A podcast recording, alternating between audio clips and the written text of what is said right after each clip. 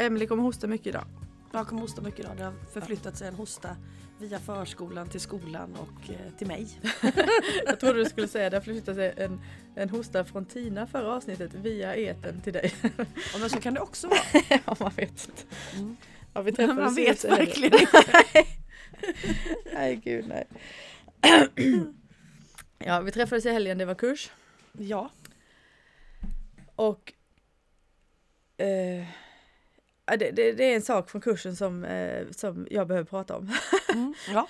Eh, alltså det var, det var ju egentligen en väldigt Alltså det är inte alla gånger det är så trevligt men jag tycker att den här helgen var väldigt eh, trevlig. men det var en övning som, som lämnade mig liksom eh, eh, lite ute på, på, eh, på kanten någonstans. Och Mm. eh, det var den här när vi, när vi vände oss till hela flocken, vi var vid Skallerödssjön. Och frågade om eh, hästarnas ursprung. Mm. Eh, eh, var de kom ifrån, hur de har utvecklats, om det har skett några liksom specifika händelser som har gjort dem till det de är.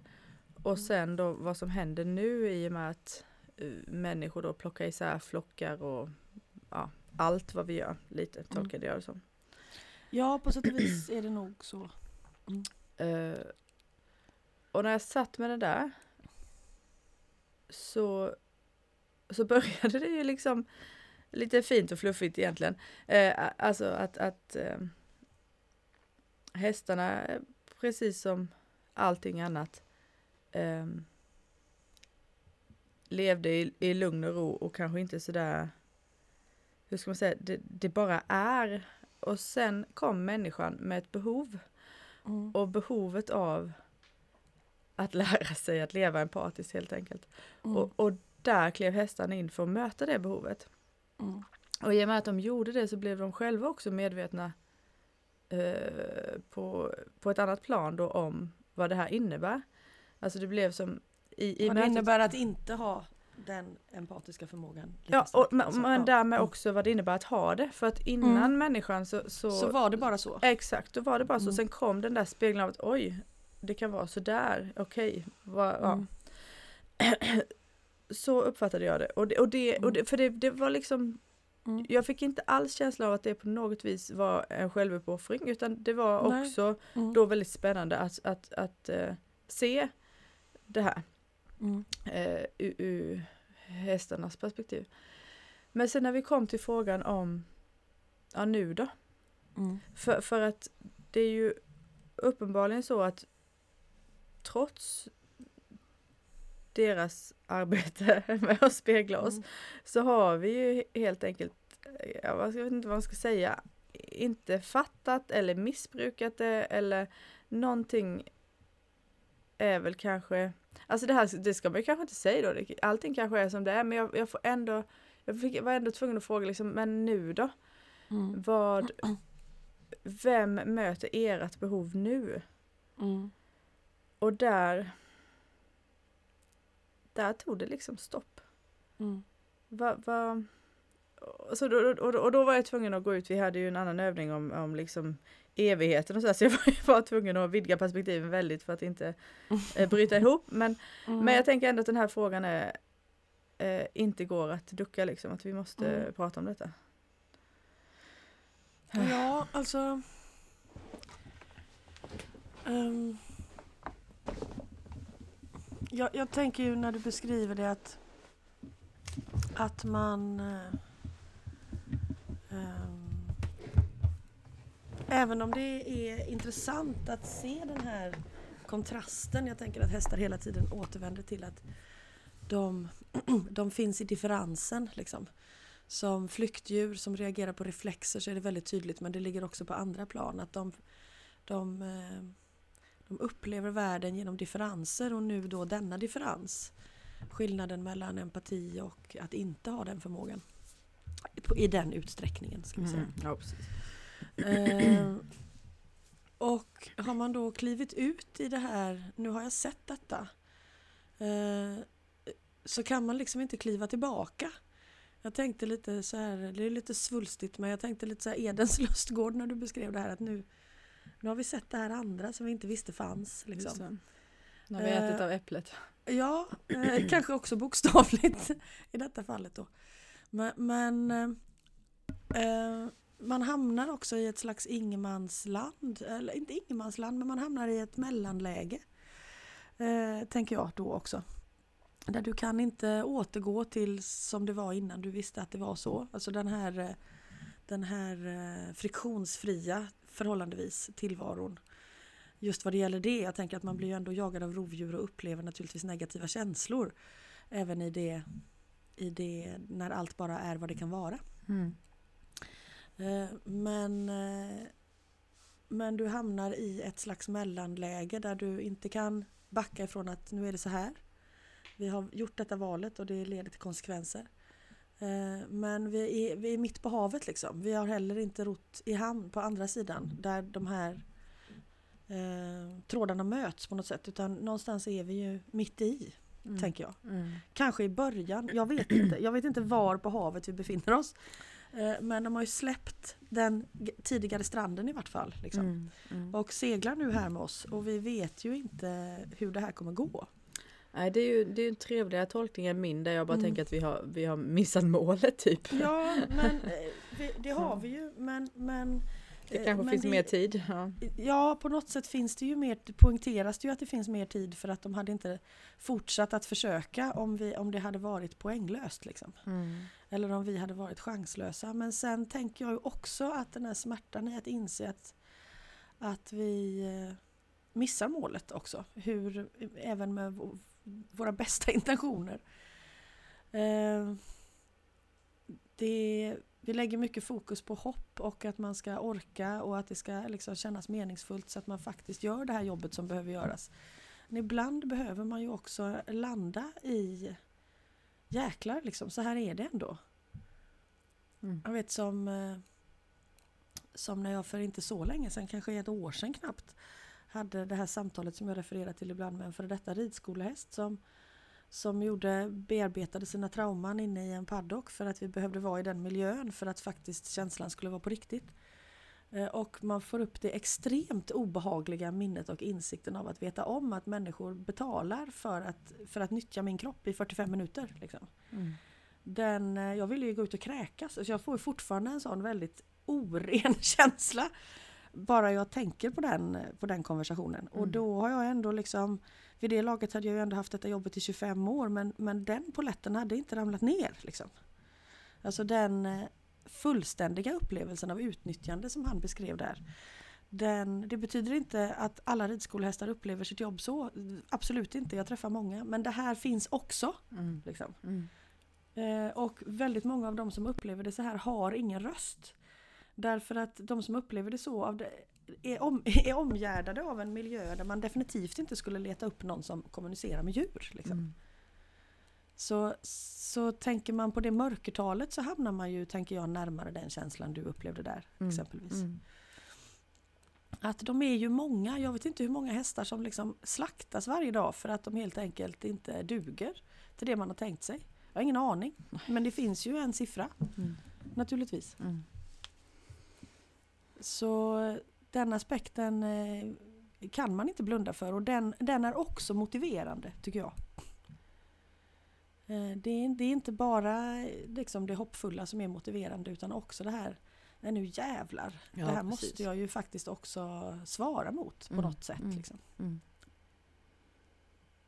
Det var ju min absolut första konversation någonsin som var med Pyret var ju det att, att jag är helt isolerad. Det finns ingen som hör mig. Vad jag än gör så finns det ingen som hör mig. Eh, och den totala, någon slags korsning av panik och uppgivenhet som hon, och desperation som hon förmedlade i det samtalet. Eh, som ju var min första upplevelse av en konversation med en annan art. Eh, den glömmer jag ju aldrig. Liksom. Och det kanske är bra att jag inte gör det. Mm. Det är även de obehagliga känslorna fyller ju en funktion i att, att eh, fullborda upplevelsen.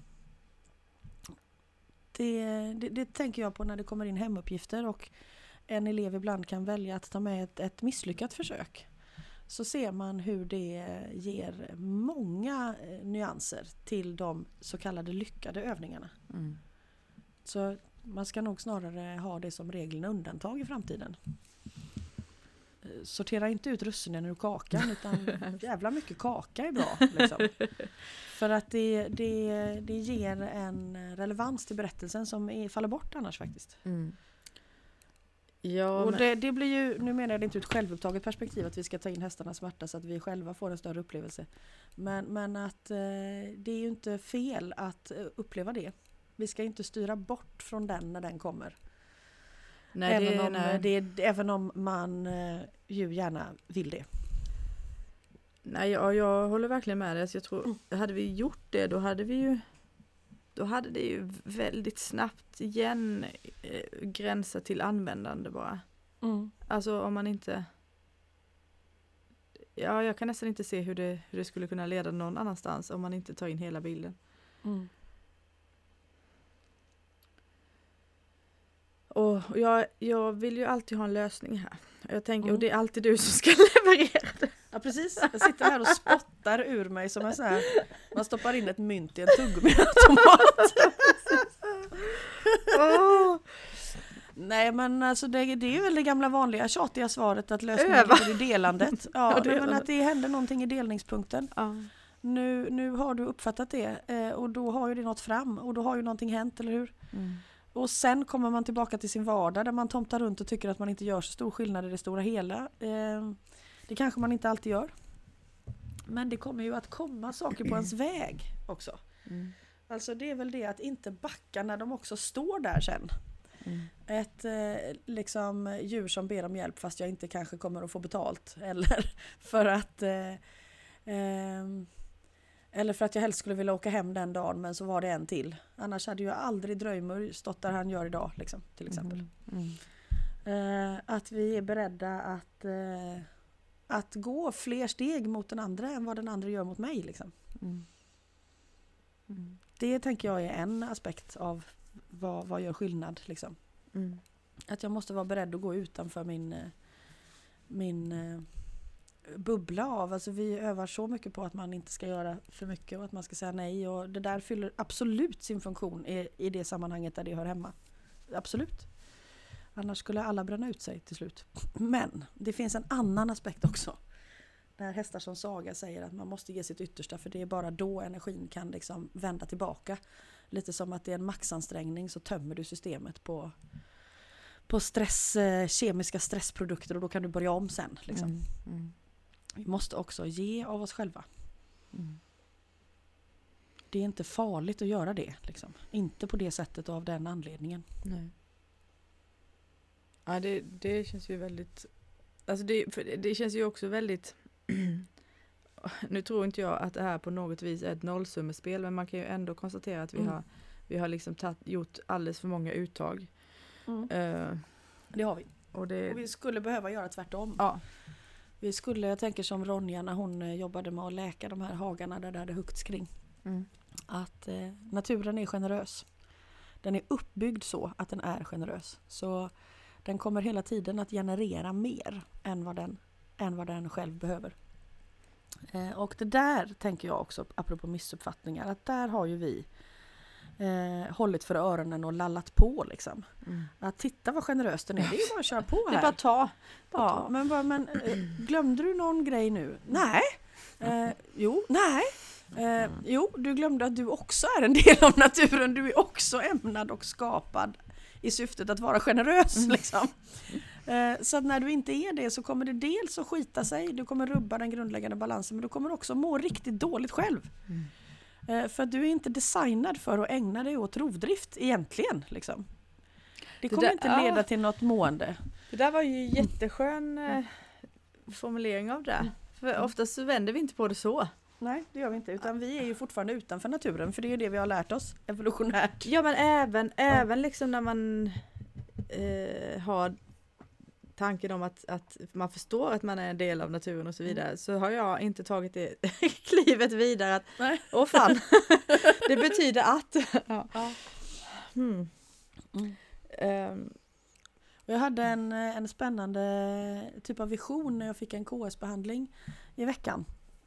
Eh, och jag ska inte underskatta den där metoden. Det beror det såklart på vem som har själva händerna.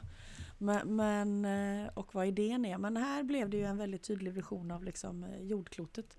Mm. Och en, det där var en lång och svår att återge på kort tid. Jag funderar på om jag skulle skicka alla de där inspelningarna till er någon gång faktiskt.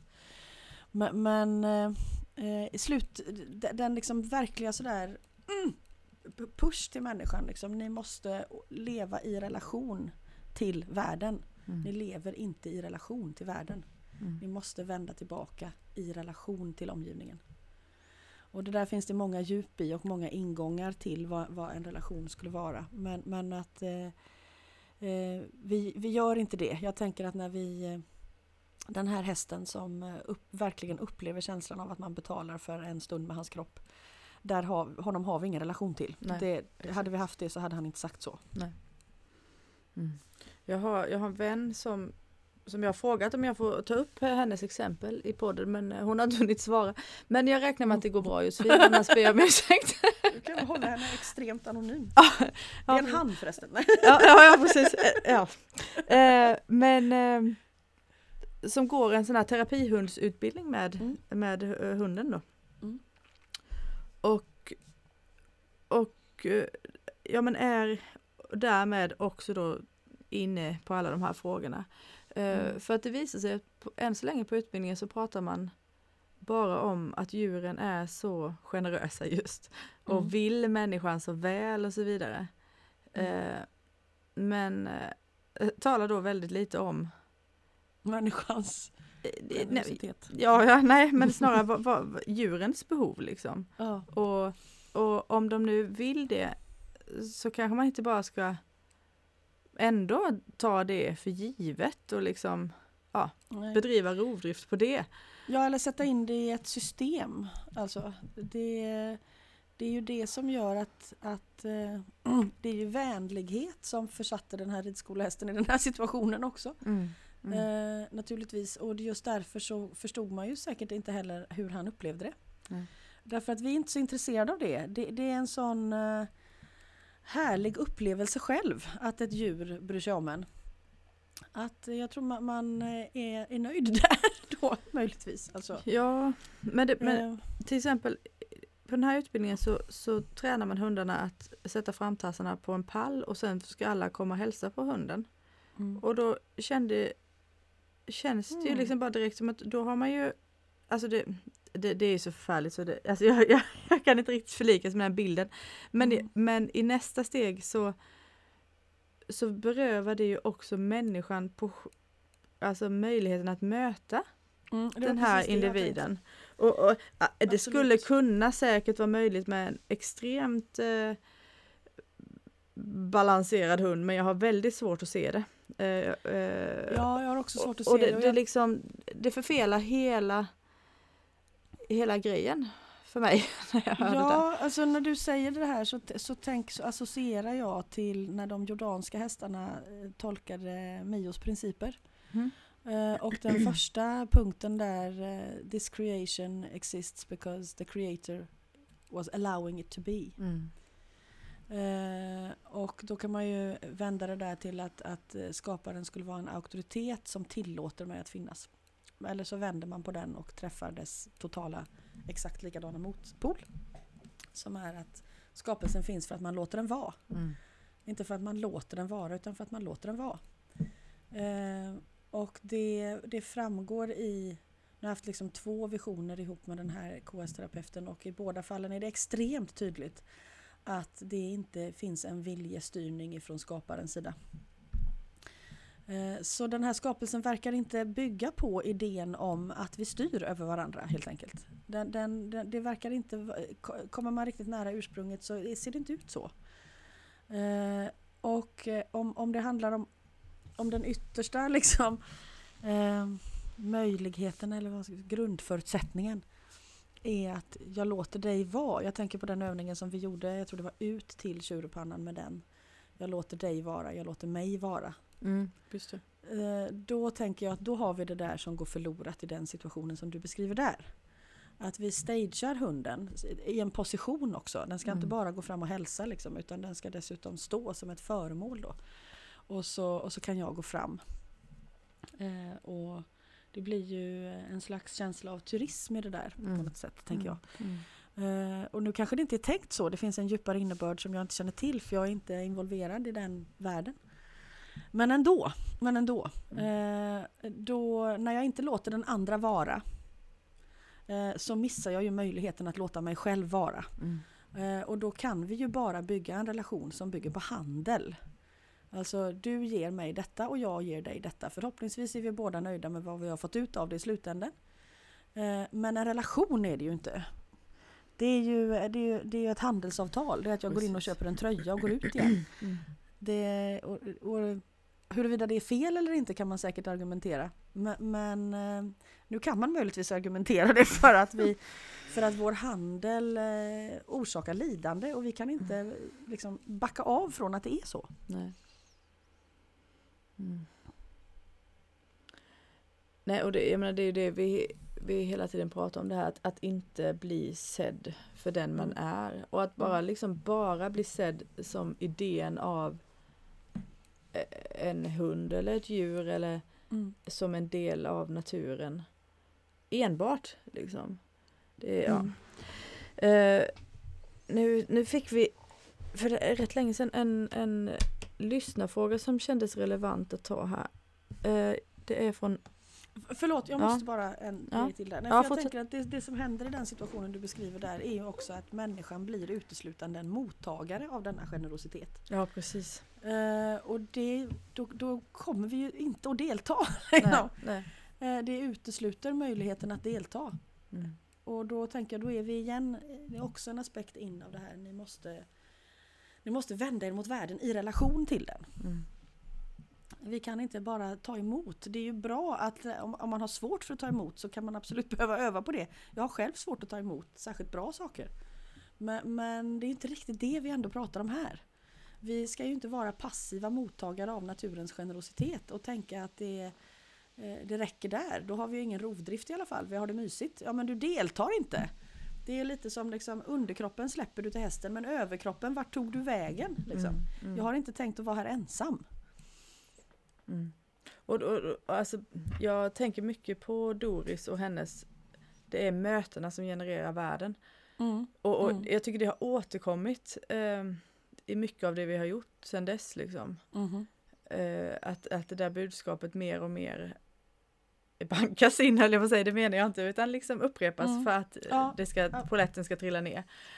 Precis. Uh, ja.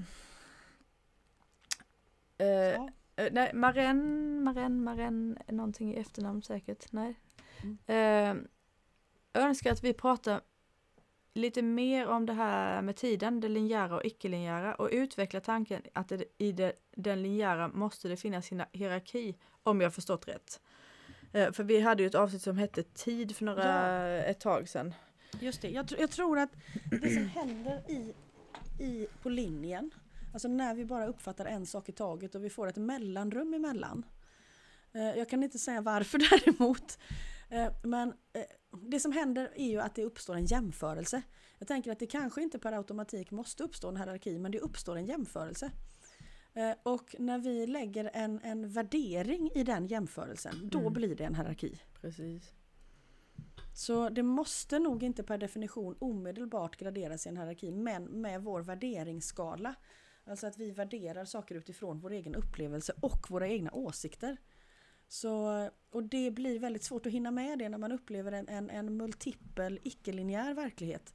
Så kan du liksom inte göra det och samtidigt värdera varje sak i förhållande till vartannat. Det skulle omöjliggöra den upplevelsen. Mm. Mm. Vilket möjligtvis är varför vi uppfattar djur eh, som mindre fördömande. Eh, och jag tänker att det du beskriver i situationen innan där, att den här generositeten också kommer ju möjligtvis ur, delvis ur att de inte har samma fördömande. Mm. Åsiktsfördömande till exempel. Det, det kan man notera. Att eh, djur som blir utsatta för övergrepp av människan eh, visar väldigt lite agg mot, eh, på ett personligt plan. Det, det är sällan de hatar förövaren om man säger så. Mm, mm. Utan de är mer förtvivlade över situationen. Men det, det finns sällan liksom en, en personlig vendetta i det. Liksom. Mm. Djur som utövar någon form av hämnd gör det ju snarare i något slags eh, eh, Alltså möjlighet att gö- göra det här synligt för den andra. Mm, mm. Det är omhändertagande på något vis. Ja. Ja i slutändan så är det ju i alla fall inte hatdrivet. Liksom. Så att jag tänker att det är jämförelsen eh, som skapar detta. Mm. Eh, Och, och, och värderingen i jämförelse. värderingen i jämförelsen och eh, mm, möjligheten att skapa system och förståelse som skapas ur den linjära tiden för att den går långsammare. Eh, och vi kan, eh, vi kan mästra i den på ett annat sätt. Där finns det ju också en stor kreativitet. Man ska inte bara se den som negativ alls, tänker jag. Eh, men den kan vara oerhört begränsande om den fortlever omedvetet. Alltså jag tror att jag har lite så här definitionsproblem här. När vi säger den linjära tiden och icke-linjära tiden, vad Mm. menar vi egentligen? Ja, men jag, jag tänker så här. Jag tänker att den linjära tiden, baserat på hur djur beskriver varför de ser människan i den, är att vi tar till oss en sak i taget. Så att bilden av det hela är ungefär som ett snöre med en plopp, en plopp till, lite snöre, en plopp till. Det är liksom eh, en, en, en händelse Mm. den, eh, vi noterar den, en händelse, vi noterar den. Sen, sen händer ju det där mycket fortare än vad jag säger nu. Mm. Eh, naturligtvis. Jag tar ju in många intryck bara i rummet jag sitter i nu. Eh, men, de, men de sker fortfarande i någon slags eh, kronologisk ordning.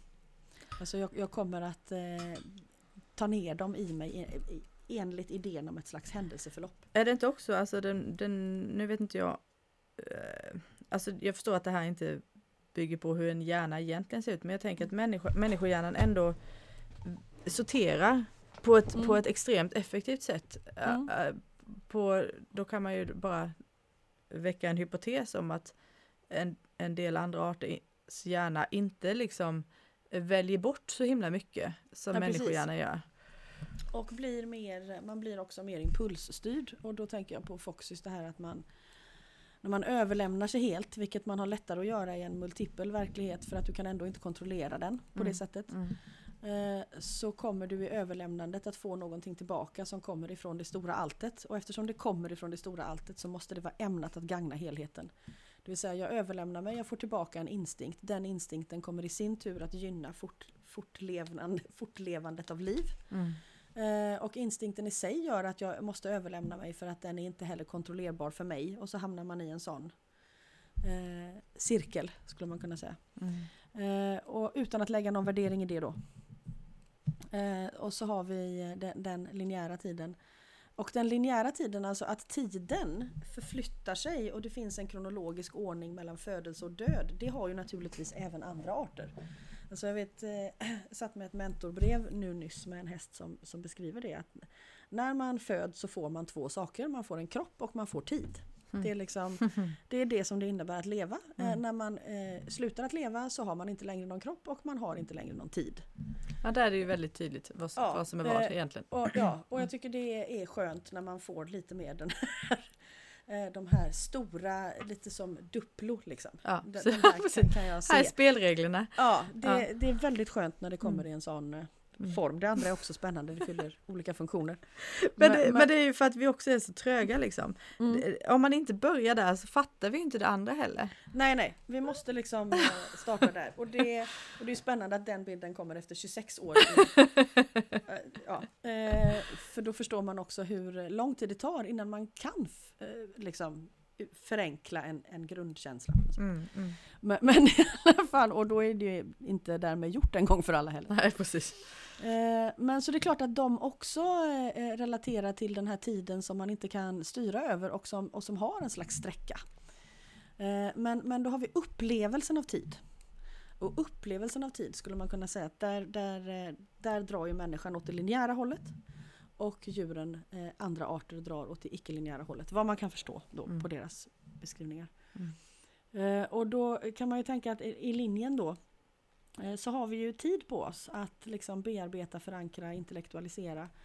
Eh, Det där kan i värsta fall ta oss ifrån upplevelsen av omgivningen och kan i värsta fall göra att jag bygger upp en världsbild helt baserad på mina åsikter som jag också lyckas bevisa för mig själv.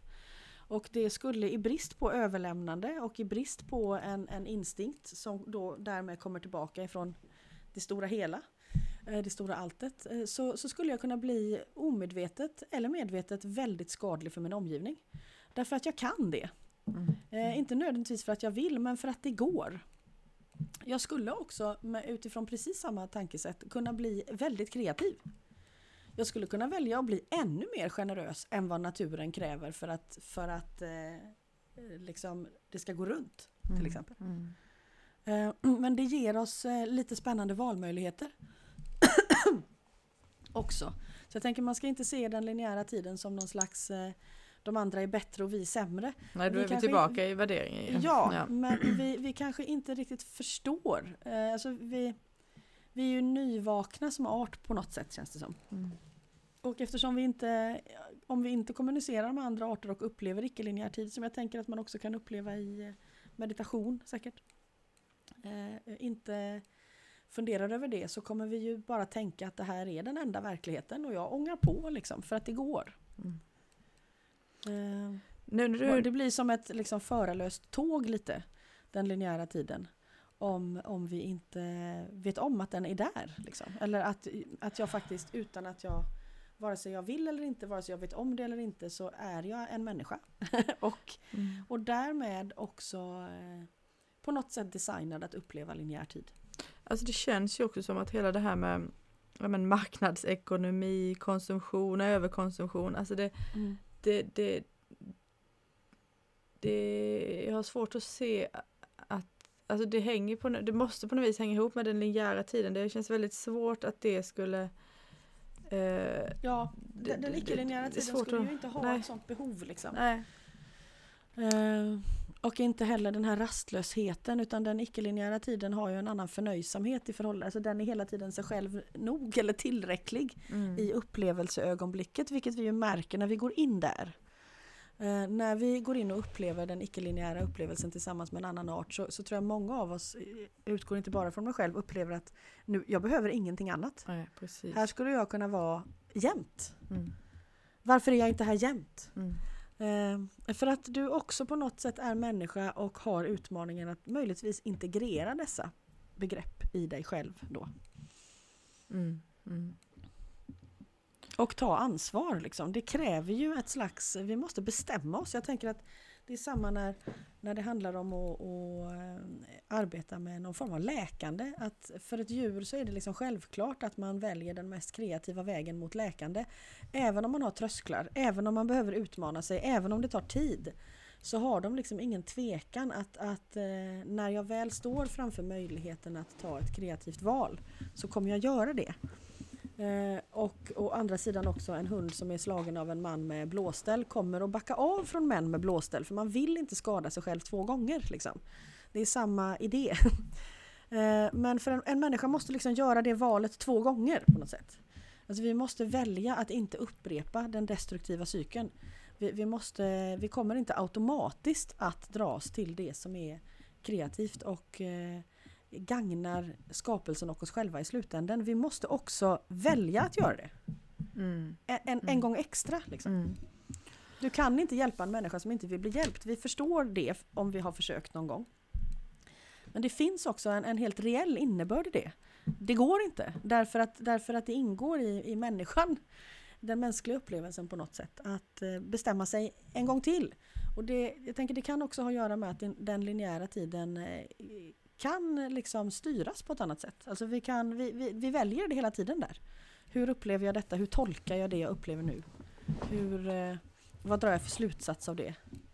Så jag, det går ju fort att komma ifrån en, en gemensamt upplevd verklighet om man följer en, en tankemässigt linjär tid. Det, det vet vi. Liksom.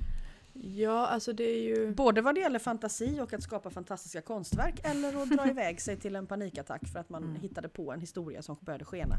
Om man ska dra två ytterligheter. Liksom. Jag tycker nästan det känns som att det räcker liksom, eller ja, man, kan, man, får, man får välja två gånger och sådär men, men det, det, det rimliga borde ju vara att välja livsstil egentligen. Därför att Mm. för att göra de här eh, vardagliga valen enklare, Mm. om man säger så. att Absolut. eh, Ja, Mm. alltså att man, måste, man, måste, man tar liksom ett stort val som hjälper en på vägen någonstans Mm. eh, hela tiden sen. Ja, jo absolut. Och det, och det jag vet att det är därför, det, eller det kan vara en av anledningarna till att jag ofta relaterar till, till den här utbildningen då som det är en del av livet. Alltså Mm. det kan på något vis inte vara på något annat sätt för om det var en Mm. utbildning som syftade till någonting Mm. eh, ja, på den, på, ja, jag vet inte. Då, då, hade det inte var, då hade det inte varit det det var liksom. Nej, nej det hade det inte. Men, Då eh, hade vi ju ja. hamnat mer i att nu har vi sett att djuren har den här generositeten. Då ska vi, då vill vi ha, då ska vi ha den. Vi ska bärga den. Ja. Ja, då sätter vi ett system i hur vi kan liksom mjölka ur den här andliga visdomen och paketera den och sälja den till kunder. För det är en bra produkt. Mm, De är generösa och vi behöver hjälp. mm, Då packar vi ihop den och säljer den. Vad kan vara fel med det? mm, Ja, det är de där 45 minuterna då igen. mm. Att jag har betalat för din tid på, av, ett, av en anledning som eh, vi, nej, vi inte kan ta i försvar. Och det, det här, Så nu, vi kan inte ha ett syfte. Nej, och jag, jag vet att jag har tagit det här exemplet innan med Israel-Palestina och att, att vara en ockupationsmakt liksom. Det, det Mm. kommer såklart vara för Mm. jävligt för, för de som ockuperas. Men det, det kommer heller inte vara konstruktivt och vettigt för ockupationsmakten. Alltså Nej. vi, vi, vi förstör ju oss själva i den här processen. Mm. Eh, Ja, och det gör vi ju rätt fort liksom. Alltså Ja. jag, jag tänker att människan är ju den enda självkorrumperande arten. Ja. Eh, och, det, och det är vi hela tiden liksom. Mm. Vi, vi kan ljuga för oss själva. Ehm, det är jätteintressant att det är så. Jag menar inte att klanka ner på människan utan mer att det här är, det här är ju ett eh, multiverktyg. Den här, om man får kropp och tid här nu så kan vi säga att både den mänskliga skapelsen och den linjära tiden är en, eh, det är en utmaning. Liksom. Det kan vi ju inte säga att det inte är. Nej. Eh, vad man än sen lägger för värdering i det. Men vi, vi har förmågan att korrumpera oss själva. Mm. Och vi gör det av egen kraft. Så att vi, vi behöver inte gå så långt som att föreställa oss hemliga ordnar av rika män som sitter någonstans och kokar ihop historier för att äga världen. Utan vi gör det här helt på egen... Vi behöver ingen hjälp utifrån alls. Nej, det går väldigt bra. Det här, det här finns inuti våra egna system liksom. Mm. Mm. Du nämnde meditation innan och det fick mig att tänka på en distinktion som jag gjort bara den senaste tiden mellan meditation och bön. Mm. Vi har, ju, vi har ju ibland talat om, Spännande. om, vi har ju talat om meditation och bön där du någonstans står för bönen och jag står för meditationen. Mm. Precis, Ehm. för jag mediterar väldigt lite och ber mer och förmodligen omvänt. Ja, precis. Mm. Men ja, bara, ja, som sagt, bara, det kan vara senaste veckan, senaste två veckorna.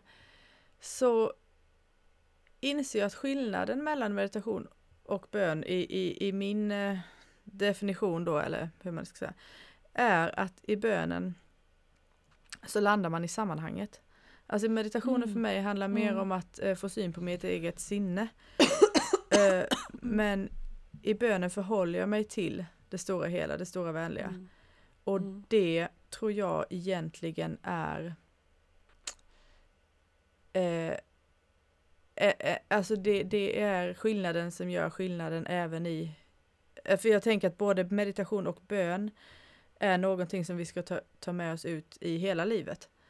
Eh, och eh, det är ju en väldig skillnad om jag bara tar med mig en, en förståelse hur sinnet egentligen är, om man ens kan eh, om det ens är en relevant mening, Mm. kontra att jag tar med mig ut egentligen den här förundran för allt som jag inte vet. Det, det, Ja. det är eh, hur jag kommer agera i världen kommer förmodligen skilja sig åt i de två situationerna. Ja, ehm, jag tänker att i bönen så finns det ett överlämnande och ett slags erkännande av. Eh, Det finns det finns ju ett- något att det att, finns ett större- överlämna ja, sig Ja, till. det finns ett större sammanhang och Ja. i jämförelse med det större sammanhanget så är jag också liten. Eh, och då tänker jag, du beskriver det som att jag kan inte förstå allt till exempel. Det är ett sätt att acceptera att jag är mindre än helheten. Och det är väl där som, som eh, då den exakt likadana parallella kusinen blir underkastelse då. Mm. Alltså i, satt i ett system eh, där, där underkastelse finns så, så kan man lätt dirigera om det här. Ehm, Just det, en religiös bön har ju Ja. i, många gånger Mm. fått den... eh, ja, alltså den, Ja. Det, jag, jag tänker att det är exakt som du säger men att i en hierarki så kan det bli Ja. det totalt omvända. Mm, Det vill säga istället för att jag överlämnar mig och sugs upp av Gud eh, så lär jag mig att det kan jag verkligen inte göra. eh, För att jag är liten och eh, betydelselös eller har gjort fel. Mm. Eller så. Eh, Så att den här Inte I värdig. förhållande, ja, inte värdig, precis. Det ingår ju inte i överlämnandet att inte känna sig värdig. Det blir omöjligt att överlämna sig om du inte känner dig värdig. Mm. Men det är ingen som talar om det för en. Så, så att jag tänker att, att risken skulle vara den då. Mm. Eh, man, eh, men, men absolut som du säger, att jag, jag tänker hela tiden på Myrinas bild av det här stora, stora ljusfältet och de utritade själarna som inte är utstansade. Mm. Jag tycker det är en fantastisk bild av bön. Mm. Att eh, bönen påminner om att vi sitter ihop. Liksom. Vi är avgränsade men inte avskilda varandra. Och någonstans syftar bönet till, bönen till eh, den, den eh, fullständiga påminnelsen om det. Mm. Och eh, att vi också erkänner för oss själva att vi behöver hjälp i det. Eh, att jag kan inte gå den här sträckan själv, du måste också möta mig. Och där tänker jag att det finns något väldigt hälsosamt. Att vi, i att erkänna sin litenhet. Att jag, det här, jag, jag kommer aldrig kunna bemästra bönen och därmed kunna plocka ut det jag vill ifrån Gud. Liksom. Eh, och då tänker jag att där finns en risk i meditationen då, å andra sidan. Mm. Eh, att den, den kan jag bemästra. Eh, och där skulle, skulle det kunna vara en, en, en risk för fallgrop. Där, där underkastar du dig inte, tvärtom. Där äger du eh, hela förmågan att, eh, att inte längre vara slav under dina sinnen. Eh, vilket ju är en, eh, en enorm frihet. Eh, såklart. Och skulle kunna leda till en mycket stor klarsyn. Eh, men utan empati Mm. Mm. så, eh, så blir du ju... Eh, Ett frö i vinden mer eller mindre. ja, Mm. ja, och det är då du också skulle kunna göra någon slags andlig karriär. Liksom. Mm. Mm. Där, skulle du kunna, där, där blir du inte för liten men där skulle du kunna bli för stor. Mm. Liksom. Mm. Att det, nej men ingenting sitter ihop. Jag kan ju faktiskt eh, ta isär alla delarna och, eh, och jag behöver inte längre falla in i, i mina svaga punkter. Liksom. Mm. Men meditationen med, med eh, empati och en längtan efter helheten. Där skulle ju bortplockandet av, alltså att man inte längre styrs av sina sinnen i den utsträckningen eller sina känslor. Eh, leda till att man just inte fastnar i egots nät. Mm. Mm. Eh, och istället verkligen kan kliva ut. Eh, och möta Gud. Där Mm. också. Liksom. Ja, ja, och det finns ju, man kan ju inte Mm. heller, igen då, det är svårt att värdera detta, där, eller, och vi behöver inte göra det heller, för det kan Mm. ju vara Man skulle kunna argumentera för att det är meditationen som har lett mig till denna insikten. Mm, Det, det, det, menar, Mm. det, det finns inget som, ingenting som nödvändigtvis tyder på det heller, men, men man kan ju inte eh, rule it out. Man säger så. Nej, och sen finns det ju traditioner som kombinerar dessa. Alltså jag tänker Mm. att eh, eh, i sufismen använder man ju mycket mantran. Eh, också för att stilla sinnet. Eh, så att man i det, det, i det stillade sinnet går in i sin bön till exempel. Mm. Mm. Ja, alltså det, jag menar, det, Mm. det, man kan, jag vet knappt om man kan eh, nämna meditation och alltså det går inte att säga meditation och på något vis eh, Nej, naturligtvis så kommer, Ehm, har vi nu retat upp en stor ja, människor. ja, det, precis, eh, ja. Självklart är det så. Men det gör vi i varje avsnitt säkert. ja, men, och, men, och vi, men, ehm, vi kan inte så mycket nej, om meditation heller. nej, men jag tänker nej, att och det är, inget, det är liksom inget, det är ett paraplybegrepp som ju, Mm. där vi nu missar väldigt många aspekter av det. Men, men, men skillnaden skulle ju möjligtvis vara att, att man i meditationen inte vänder sig utåt. Utan vänder sig inåt och i bönen vänder man sig utåt. Mm. Mm. Eh, och de, eh, de här två sakerna fyller sin funktion. Eh, Ja. och Kombinationen behöver- är alltså Jag tänker att i slutändan kommer de att behöva varandra. Ja, ja. Eh, om, om meditationen aldrig vänder sig utåt så får vi ju den här eh, självupptagna karriären ändå. Mm. Jag tycker att jag har sett många exempel på andlig utveckling utan empati. Och eh, hur eh, det kan ta extremt skrämmande former. Ja, ja. Eh, ja men det, det är och ju, blir så ju. väldigt, eh, så väldigt kallhamrat eftersom man inte heller har kontakt med sina känslor där. Mm. Mm. Nu är inte känslor och empati samma sak men, men känslor hjälper en ju ändå att liksom guida sig mot empatin. Mm. Har, man, har man tänkt sig ur dem så kan man ju faktiskt göra vad som helst. Liksom. Mm. Och sen maktmissbruket inom religionen är ju inte heller, ja det kan man ju följa genom världshistorien liksom. Men därför skulle Eh. man kunna tänka sig att, eh, att, att eh, med mer inåtblick och meditation så kanske man blir mindre mm, mottaglig för att gå på och nita inom religionen. Ja absolut. Och med överlämnandet i relation i bönen så skulle man vara mindre lockad av eh, avskärmningen som meditationen möjligtvis skulle kunna, Precis. kunna falla in i. Mm, precis. För att när, när vi lär oss att styra över våra sinnen så upplever vi ju en slags makt över oss själva. Och eftersom vi då råkar vara en självkorrumperande art så ja, man, man kan absolut eh, göra avstickare där. Mm. Alltså det som skedde för mig var nog egentligen att jag Alltså, jag kan, det är ju inte det att jag egentligen, alltså man lyckas ju inte med att meditera egentligen. Nej, därför, det därför att inte jag på menar, det, Mm. det är ju inte heller Man kan ju tro att man kan eh, äh, det, nej, det är ju inte heller så att bara för att man inte tänker så skulle det vara en lyckad meditation. Därför, jag menar, Mm. det, det är också, man tänker hela tiden, de bara kommer. Mm. Men det, någonstans ändå i, i någon form av klansyn i meditationen så svävade jag ju fritt Mm. utan den här, det här mjuka mottagandet som ehm, en utåtblick ger. Mm. Och, och, och ja, jag vet inte, jag identifierade just som det och det, det var lite Mm. det, det, man kan väl säga så här att jag, det hade väl kunnat gå åt vilket håll som helst men det gick åt detta då. Mm. Jo, nej, men jag, jag tänker ju att Fannys distinktion den är så bra den där. Mm. Vart är jag på väg Ja. med detta? Ja. Gör det mig mer empatisk eller gör det mig mindre empatisk? Mm. Då kan det vara så att gör det mig mindre empatisk skulle det kunna vara väldigt svårt för mig att se det. Men jag skulle kunna fråga någon annan. Mm. Upplever du mig mer eller mindre empatisk nu?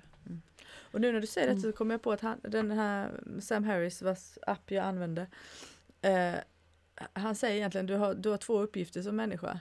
Ehm, och den ena kommer jag inte ihåg just nu men det har någonting med att göra att, eh, att begripa hur en sinne funkar typ. Men den andra är att vara en god människa vilket ju Mm. man skulle kunna översätta till att eh, liksom gå mot empatin.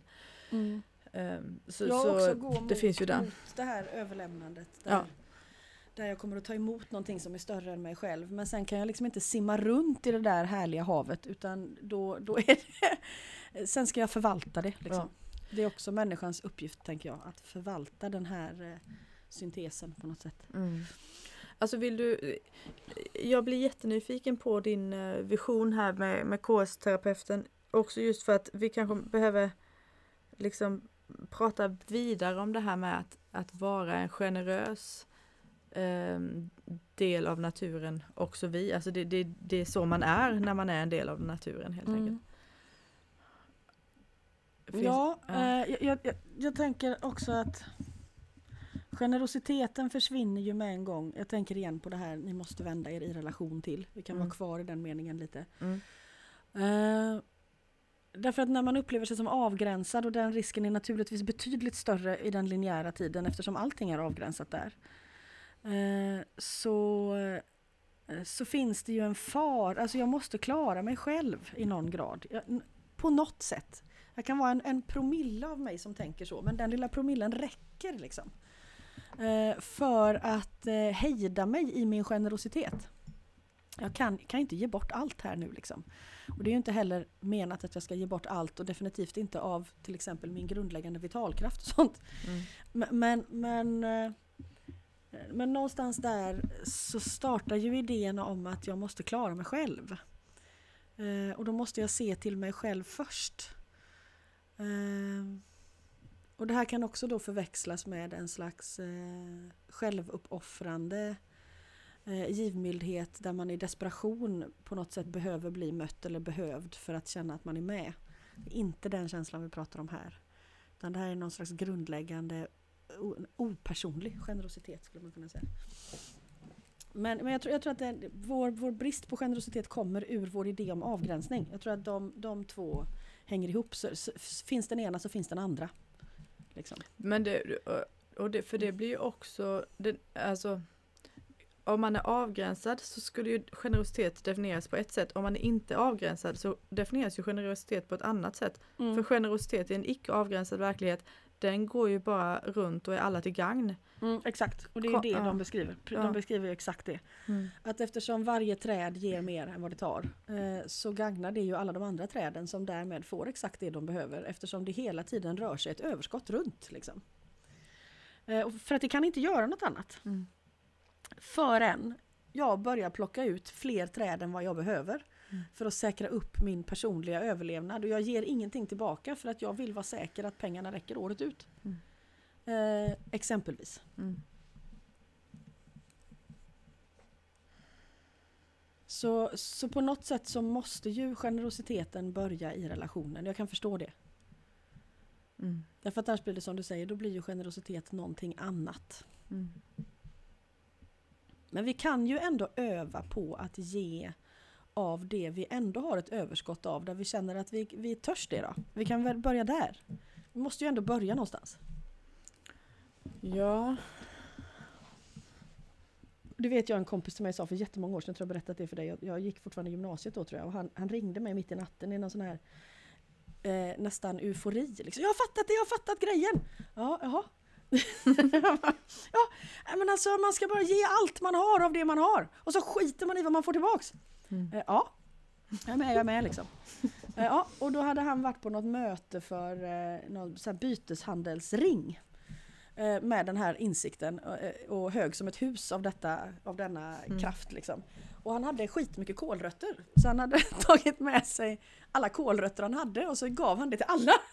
Och så väntade han i sin stora entusiasm på och vad kommer nu tillbaka när jag har gett ut alla dessa kålrötter? Liksom. Eh, och då tänker jag att en sak som eh, kom tillbaka av att han gav alla de där kålrötterna var att han ringde till mig och sa det. mm. Eh, och sen, eh, sen har jag aldrig slutat tänka på det. Så kan man säga. Så det är också, man måste också lägga till att det är, det är inte bara andra arter som inspirerar en utan här var det en människa. Mm. Mm. För att någonting i mig när han sa så var det här är ju fan med sant liksom. Mm. Mm. Eh, Och jag tänker att det kan vi ju börja göra oavsett hur upplysta vi är eller om vi förstår det här med relation och vad vi, liksom, om vi förstår andra arter. Vi kan ju ge av det vi har, det kan vi ju ändå göra. Liksom. Mm. Mm. Ja, och det, och Även det, om och vi det inte kan vi får på så tillbaka många olika någonting sätt direkt. med. För han sa ju att alla i det där rummet såg ju ganska förbryllade ut. Och satt, satt Vad gör kol- man med en kålrot? Ja, precis! Ja. Mm. Men den, den bilden är också väldigt bra så den är lätt att ta med sig. Liksom. Ja. Ja, precis. Och för, för jag menar, det, det, det kan ju verkligen ta eh, lika många uttryck som det finns individer antar jag, den här Mhm. hur, hur, hur man ger av det man har. Absolut, absolut. Det Jag vet måste, att ju inte, brukar det måste säga- inte vara fysisk materia Nej, alls. Liksom. nej.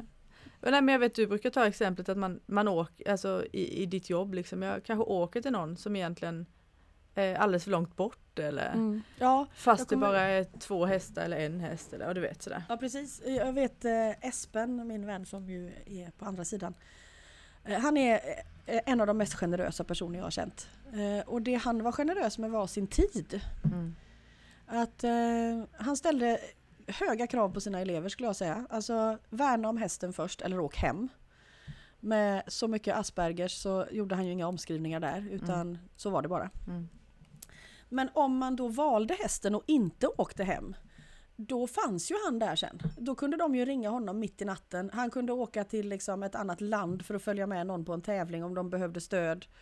det, han, han liksom med en sån passion i det han gjorde kunde han ju liksom stå och hålla kvar dem och prata med dem i en timme efteråt. Mm. Om vad som hade hänt på träningen som inga andra tränare nästan gör. Därför att man, man bedriver handel liksom. Kunden vill ha en produkt, jag levererar produkten, jag får det jag vill ha av kunden och sen går vi båda hem och vi har för, förhoppningsvis upplever vi detta som ett rättvist upplägg. Men så gjorde ju inte han alls liksom. Utan det var sådär, ge hela dig med intentionen att du vill din häst väl eller åk hem. Okej, du är kvar. Ja men då så. Mm. Då får du hela mig också. Mm. När vi jobbade ihop så, eh, som vi ju ändå eh, fick ynnesten att göra under några år innan han gick bort. Det, utvecklingen hos de hästarna och nivån av tillfrisknande på kort tid har jag aldrig sett i något annat sammanhang. Mm. Så det är ju väldigt spännande när den här generositeten bara dundrar på. Liksom. Mm. Mm. Alltså, han ju också, hade han ju också träffat eh, en, en kvinna som han levde med som också hade, eh, har en enorm generositet. Så, så att det som genererades i den här miljön liksom, mm. som var ett pyttelitet stall utkastat i skogen, en pytteliten paddock. Han gick ju ner ifrån världseliten liksom, för att det, det han letade efter inte fanns där. Mm. Eh, och, eh, och bad folk komma till honom istället. Ja, ja, alltså det här är väldigt inspirerande och så kommer Mm. nästa tanke. Ja, men eh, när, när man har ja, men när man har barn helt enkelt. Alltså Mm. bara för att ta, ta ner det väldigt konkret. När, den, när den här generositeten känns, ja men nu är jag kanske på linjen då, men det känns Mm. fan i mig som att det på riktigt tar ifrån någon annan. Mm. Ja, alltså gör det det så är det ju kanske inte generositet utan då kanske det finns någon plikt i det. Eh, sen skulle det också kunna vara så att det finns en idé om föräldraskapet som krånglar till det. Mm. Alltså man vill vara med dem jämt. Det är bra. Och man ska såklart också vara det så mycket som det bara går tänker jag. Men, men vi har ju andra uppgifter också. Nu ska jag vara fruktansvärt försiktig med att prata om föräldraskap för det här är något jag inte är bra på. Eh, men, och inte är trygg i. Men, men jag tänker att jag måste Nej men det kanske du också... inte är, men vi kan ju i alla fall bara lägga till det att du har Ja. två jävligt goda unga. Så det är Ja. liksom, Precis, och det, ja. absolut. det kanske Men inte är jag- din förtjänst men i alla fall. Eh, Ja. Jag vill säga att jag inte anser mig vara kunnig på det här området. Jag tror att det är det jag säger. Mm.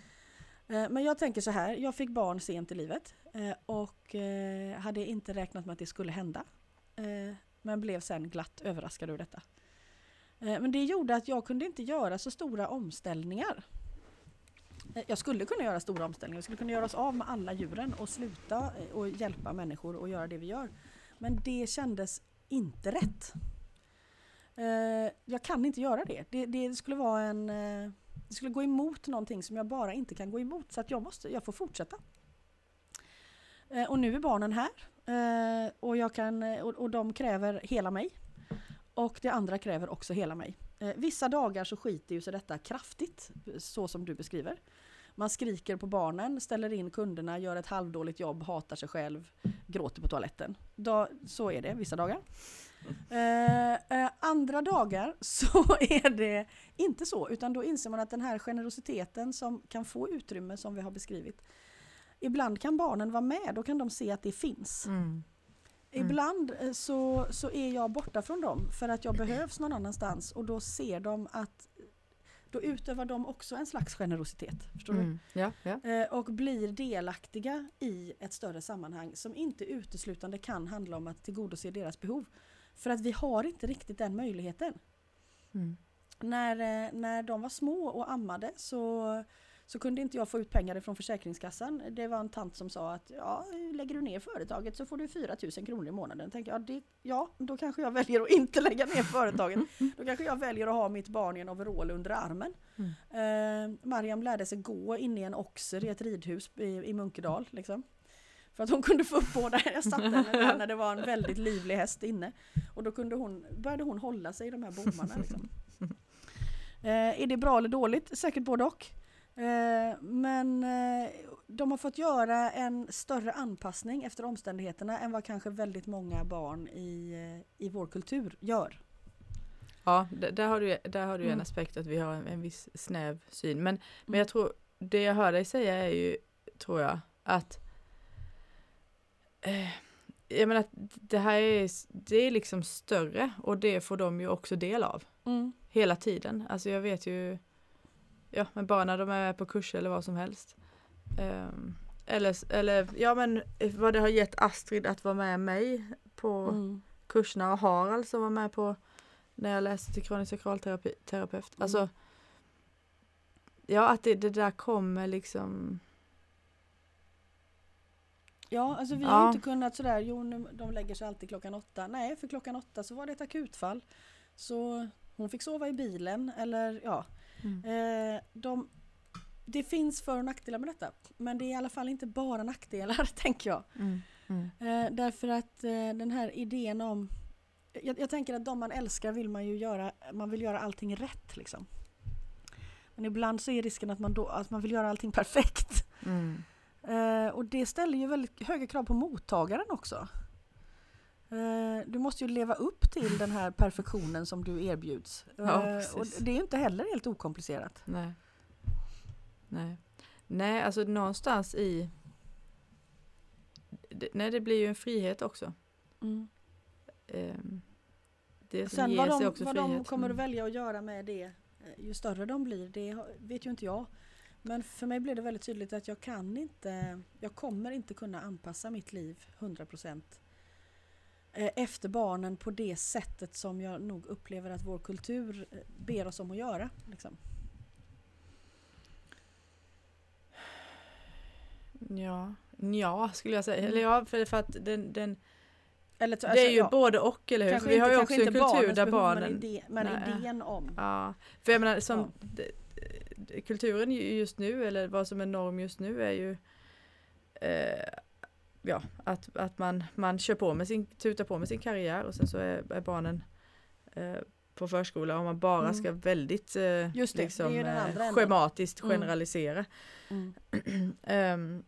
Mm. jag, har, eh, alltså jag vet inte egentligen hur det här är relevant men det bara nu när vi ändå pratar om barn. Eh, när jag var, jobbade i Palestina så var vi i en, en, en by där, där, där de eh, levde som herdar i, i grottor och tält. Och jag kommer ihåg när vi, vi brukar vara där över, över judarnas sabbat för då kunde bosättarna, då hade de tid att, att eh, härja runt lite.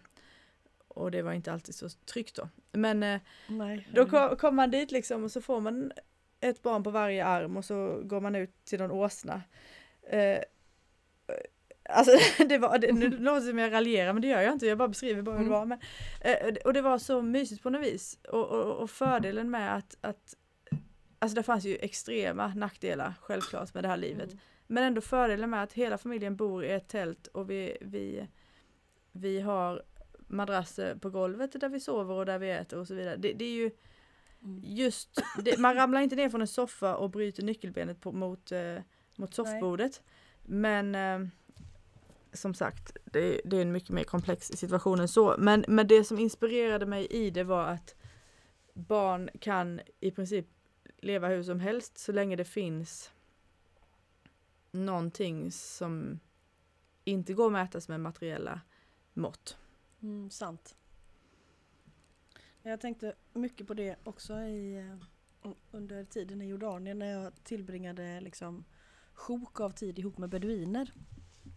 Eh, och sen jobbade i stallet och märkte att eh, liksom stallarbetare från beduinfamiljer hade någon slags eh, annan förmåga att samverka i grupp Mm. som på något sätt skötte sig självt. Det var bara sådana de var. Liksom. Mm. Eh, också för att man i det där väldigt hårda livet som man inte ska förespråka för hårdhetens skull. Men, men det kräver att alla är med. Liksom. Mm. De bidrar i ett tidigare skede till helheten själva. Men de respekteras också. De är, de är med liksom. Mm. När vi satt upp och, och pratade på nätterna i beduintältet så var ju barnen med. Mm. De la sig ju inte bredvid någonstans eller de la sig heller inte i och, och gapade liksom, och krävde massa uppmärksamhet där för de var ju redan med. Ja, precis. Eh, och den där vet jag att jag tänkte mycket på. Det här att, att kunna få vara med och respekteras som person så tidigt i livet, vad det gör. Mm. Och vad det gör med ens självhävdelsebehov som man ju då kunde se de här äldre då, vid det laget vuxna beduiner som jobbade i stallet, att de hade inte det behovet de hade alls i samma utsträckning. Och det var inte att de stod tillbaka eller eh, var blygsamma på något sätt, tvärtom. Det kanske Men händer de behövde någonting. helt enkelt inte hävda sig på bekostnad av de andra Nej. alls på samma sätt. Nej. Men det kanske händer något när man lever sådär tätt tillsammans att, att man liksom man ser vilken pusselbit man är på gott och alltså Mm. både, både det man bidrar med och vad man skulle kunna ehm, Alltså det blir tydligt vad vad ehm, vad det kostar för andra om man skulle vara mer destruktiv till exempel. Ja. Eller mer högljudd bara, bara en sån enkel sak. Eh, Och på profeten Muhammeds tid så var det ju så att, att barn ur eh, den samhällsklassen då, om man ska säga som jag vet inte vad man ska jämföra med här, men eh, medelklass i vart fall, övre Mm. kanske. Eh, där var det helt enkelt tradition att man levde ett år i en beduinfamilj. Mhm. För att, eh, för att få med sig aspekter av att vara människa som man helt enkelt inte fick med sig annars. Mm. Nu kanske inte vi kan belasta beduinerna med att läka vårt västerländska kaos. Men idén om att kliva ur sin värld och var, behöva göra en annan typ av anpassning. Mm. Eh, den är ju inte så dum alltså. Nej, alltså jag kan, inte, jag kan inte sätta ord på detta men eftersom att jag har upplevt det så känns det när Mm. du pratar om det. Eh, Ja men så Ja. är det. det. Det påverkar en för alltid mm. skulle jag säga. Mm. Men då är ju risken att vi igen skulle börja turista med det då. Ja, Ja men då åker vi till de här familjerna, då får de lite bättre betalt, det är schysst. Och så får vi ut någonting som gör att vi funkar bättre i teamet sen när vi kommer hem. Ja. Nej! Nej, då har Nej. vi missat hela grejen. Ja, då missade vi den här relationen Ja. igen. På senaste jag- tiden, ja. Ja, Förlåt. eh, när jag bara tänker att jag får nog sätta mig och, och lyssna på de här eh, inspelningarna om jordklotet.